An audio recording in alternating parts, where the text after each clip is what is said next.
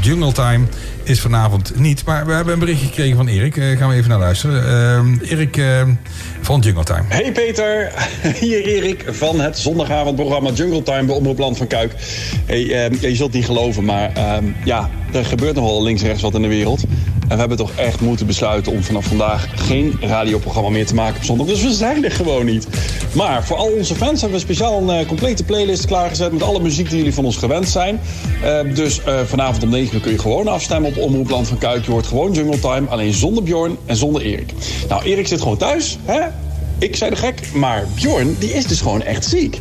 Uh, dus ik heb even geïnformeerd bij hem. Ik zei, Bjorn, heb je corona? Wat blijkt? Hij heeft een griepje. Echt, de hele wereld staat in brand. Een vuur en vlam. En Bjorn Franke heeft een griepje. Nou ja, goed. We moeten dit er maar mee doen.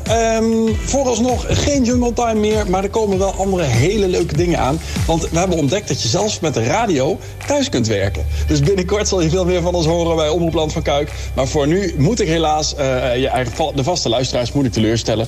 Het is helaas niet anders. Ik denk dat er wel meer teleurstellingen te verwerken zijn deze dagen. Want er worden heel veel dingen afgelast en gaan heel veel dingen niet door. Uh, maar we'll be back. En we komen hier sterker uit met z'n allen. Ik zou zeggen, in alle gezondheid, heel veel succes vandaag. En uh, ook alle gezondheid voor de luisteraars. Dag allemaal, tot snel.